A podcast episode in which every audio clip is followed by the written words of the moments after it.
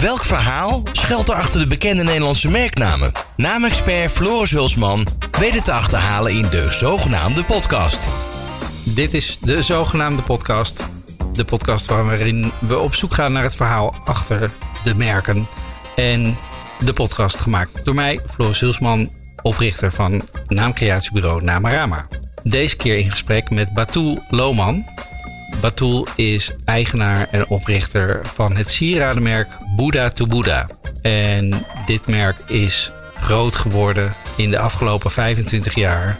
En begon allemaal op een eilandje ergens ver weg van hier. Als je dan hoort hoe dat gegaan is en hoe hij stap voor stap nu een groot sieradenmerk heeft neergezet. Dat is fantastisch om te horen. Dus veel luisterplezier met het verhaal van Batul Lohman. Welkom bij de zogenaamde podcast met Floris Hulsman. Batul, waar en wanneer ontstond de naam Buddha to Buddha? Dat is een goede vraag. Ik probeer elke keer voor mezelf het op een andere manier. Heel vaak wordt het aan me gevraagd: waar komt die naam vandaan? En uh, vind ik altijd uh, moeilijk om niet uh, te repeteren, zeg maar. Dus ik ga hem proberen een originele versie te geven aan je. Nou, ik denk dat heel veel mensen het verhaal nog helemaal niet kennen. Nee, dus maak je geen zorgen. Dat, dat, dat, is ook zo natuurlijk.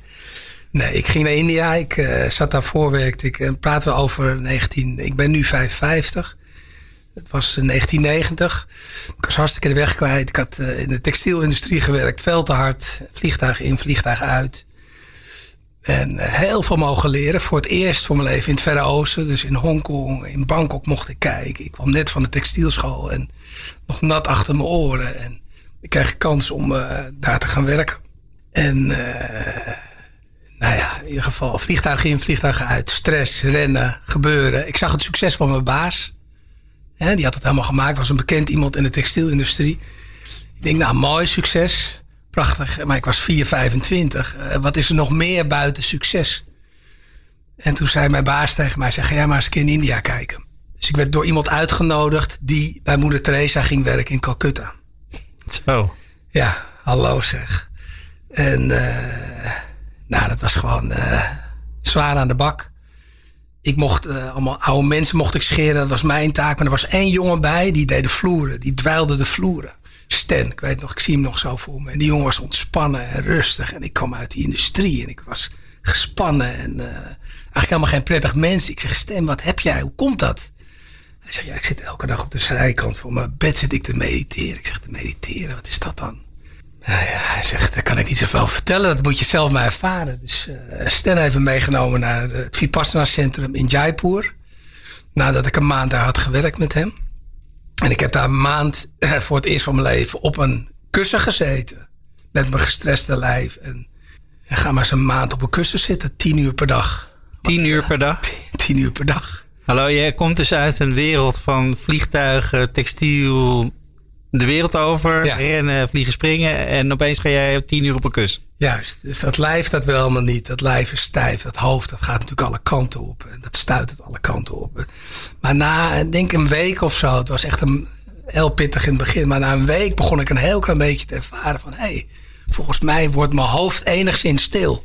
En hé, hey, dan liep ik naar buiten toe en ik, ik, begon beter en helderder te zien. En, en ik begon mijn lijf, ik had eigenlijk nog nooit mijn lichaam gevoeld. Mijn lijf begon ik voor het eerst te voelen. En ja, emoties die eigenlijk, hè, die, we allemaal hebben en die we allemaal bij ons dragen, die begonnen een soort van naar buiten te komen. En ik begon boos te worden en ik begon verdrietig te worden. En ik begon gelukkig te worden. En alle kanalen gingen open. Dat was eerst tien dagen. Die training bestaat nu nog steeds. Kan je over, over de hele wereld doen. Maar tien dagen. En, ah ja. en die man die dat begeleidde, die zei van, nou heb je nog wat te doen verder? Ik zei, nee, ik ben een paar maanden in India. Hij zegt, nou neem vijf dagen rust. Dan ga je nog een keer tien dagen. Dat had ik natuurlijk nooit moeten doen. Wat dapper van je. Toen ging ik echt door de boerenkal heen. En, en uh, nou ja, er gebeurde zo ontzettend veel met me. Dus ik kwam daaruit. Ik was een en al geladenheid. En, en, en ik voelde me vitaal en gelukkig en, en ongelooflijk. Je was helemaal vrij. Ik was absoluut vrij, ja. Dus, uh, nou ja, naar Goa gegaan. Ja, aan het strand in India. En daar natuurlijk heerlijk gefeest. De jaren negentig hebben we het over. Dus het was nog één wilde boer en gekkigheid. En alle hippies liepen daar nog rond en toestanden. Dus ik kwam in een wereld terecht. Dat was ja, onbeschrijfelijk mooi.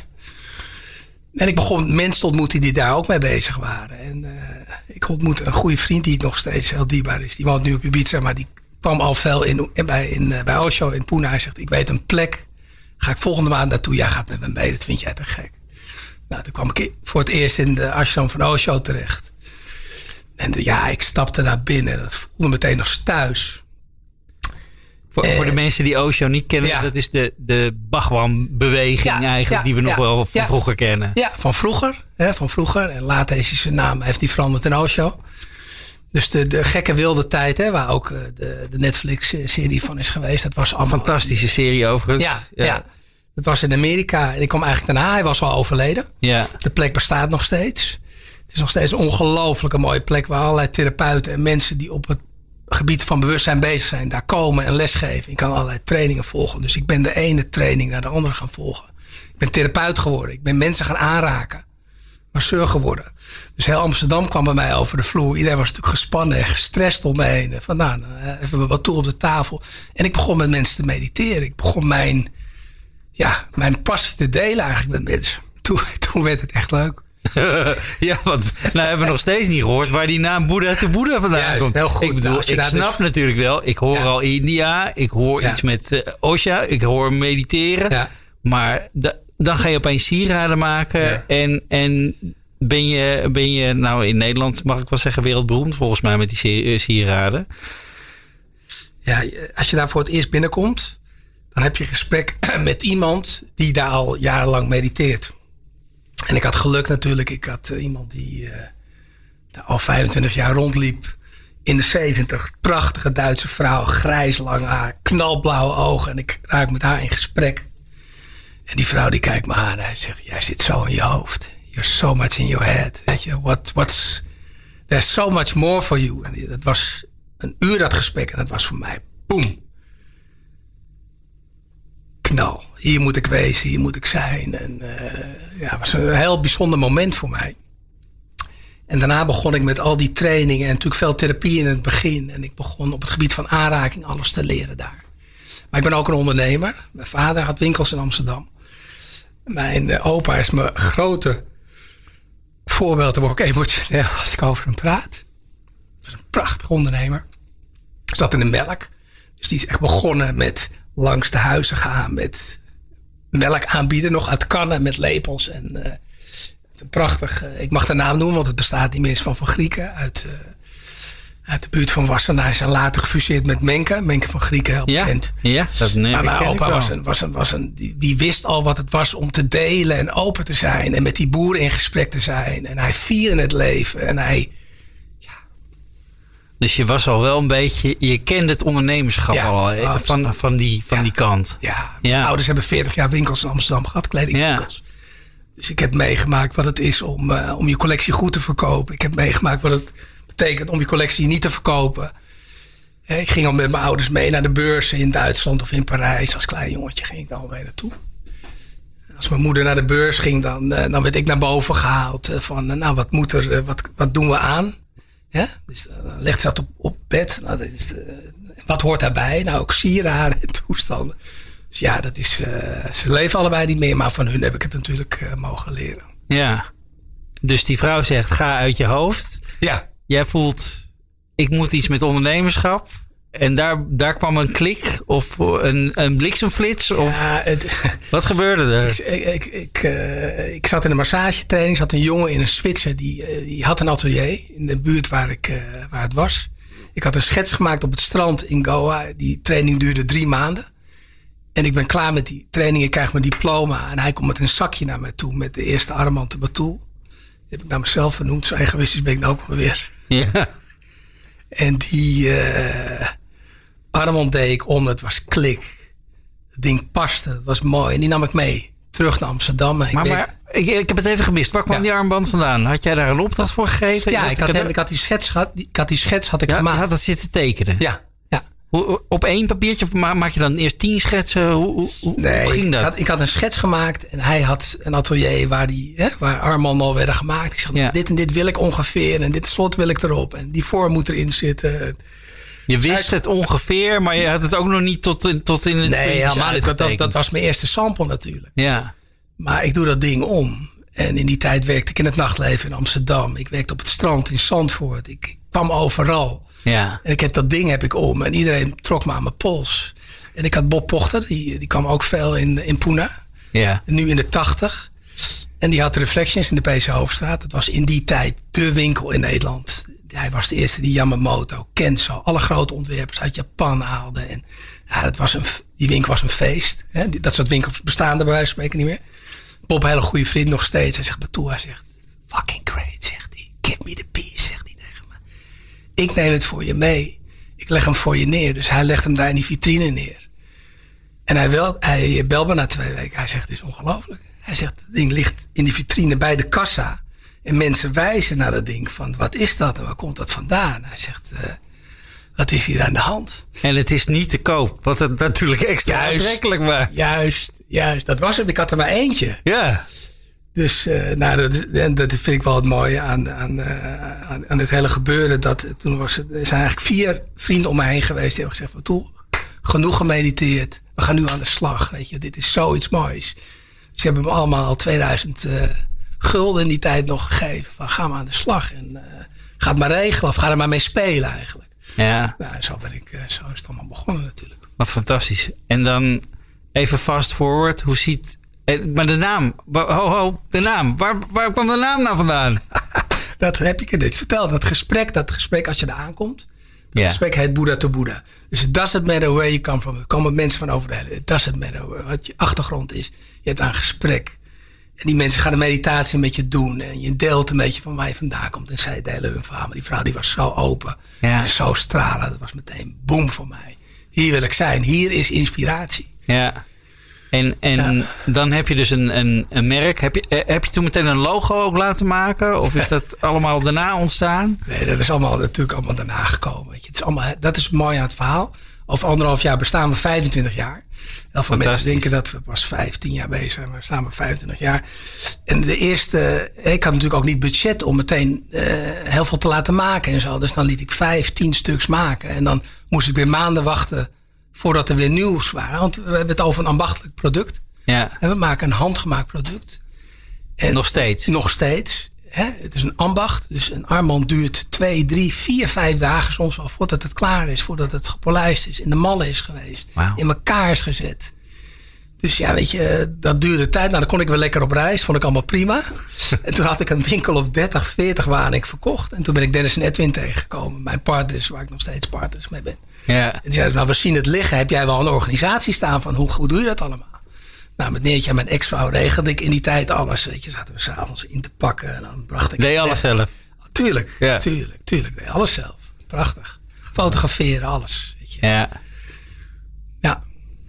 En waar, waar staat het merk nu dan? Hoe, hoe zie je dat? eh, kun je dat een beetje schetsen voor de mensen die je nog niet zo goed kennen?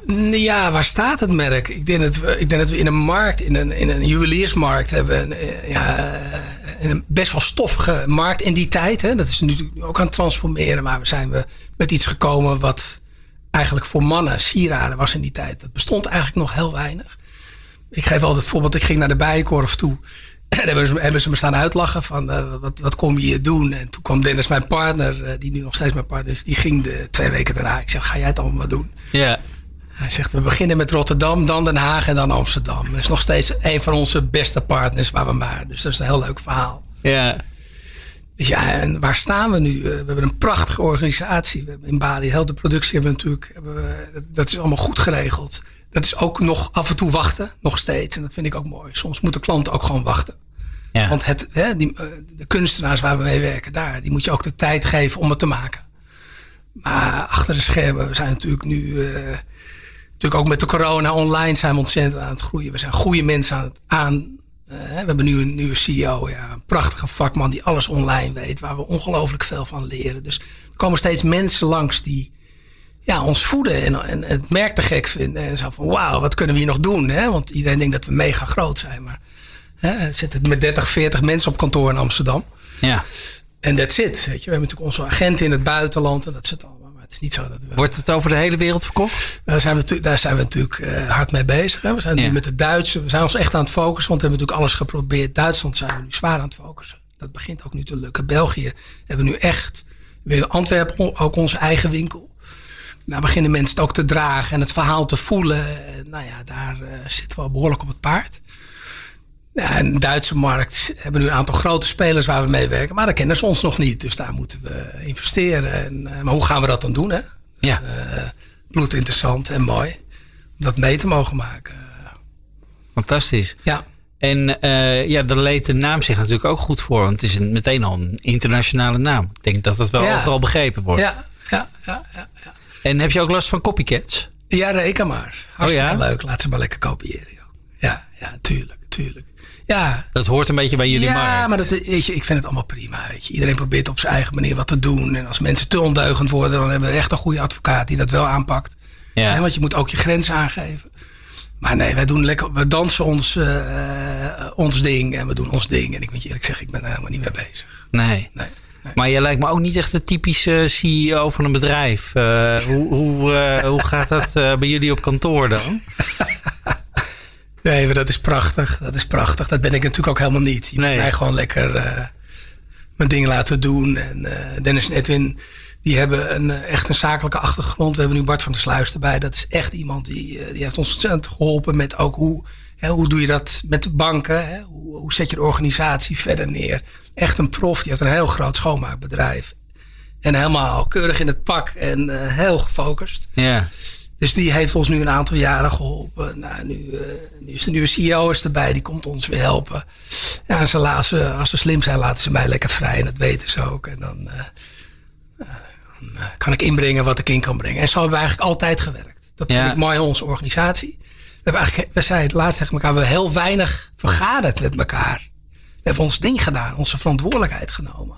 Want gaat maar eens even regelen in Bali allemaal. Ja. Gaat maar eens even regelen allemaal met de marketing. Weet je? wel. Maar op een of andere manier hebben we chemie met elkaar. Dat, dat, eh, het gaat ook heel vaak fout. Wat denk je? Natuurlijk. Maar dat is, dat is Dat hoort er ook bij, toch? Dat is te gek. Ja. Weet je? wel. Dan kunnen we weer... eh, Kun je daar iets noemen dat het dan heel, veel, heel fout ging? Ja, natuurlijk. Zoveel dingen. Zoveel dingen. Het was nog de, was, ik, ja, was nog de tijd dat ik ook de, zeg maar de budgetten deed. En dan had ik even niet eh, een, een periode de zilverprijs in de gaten gehouden.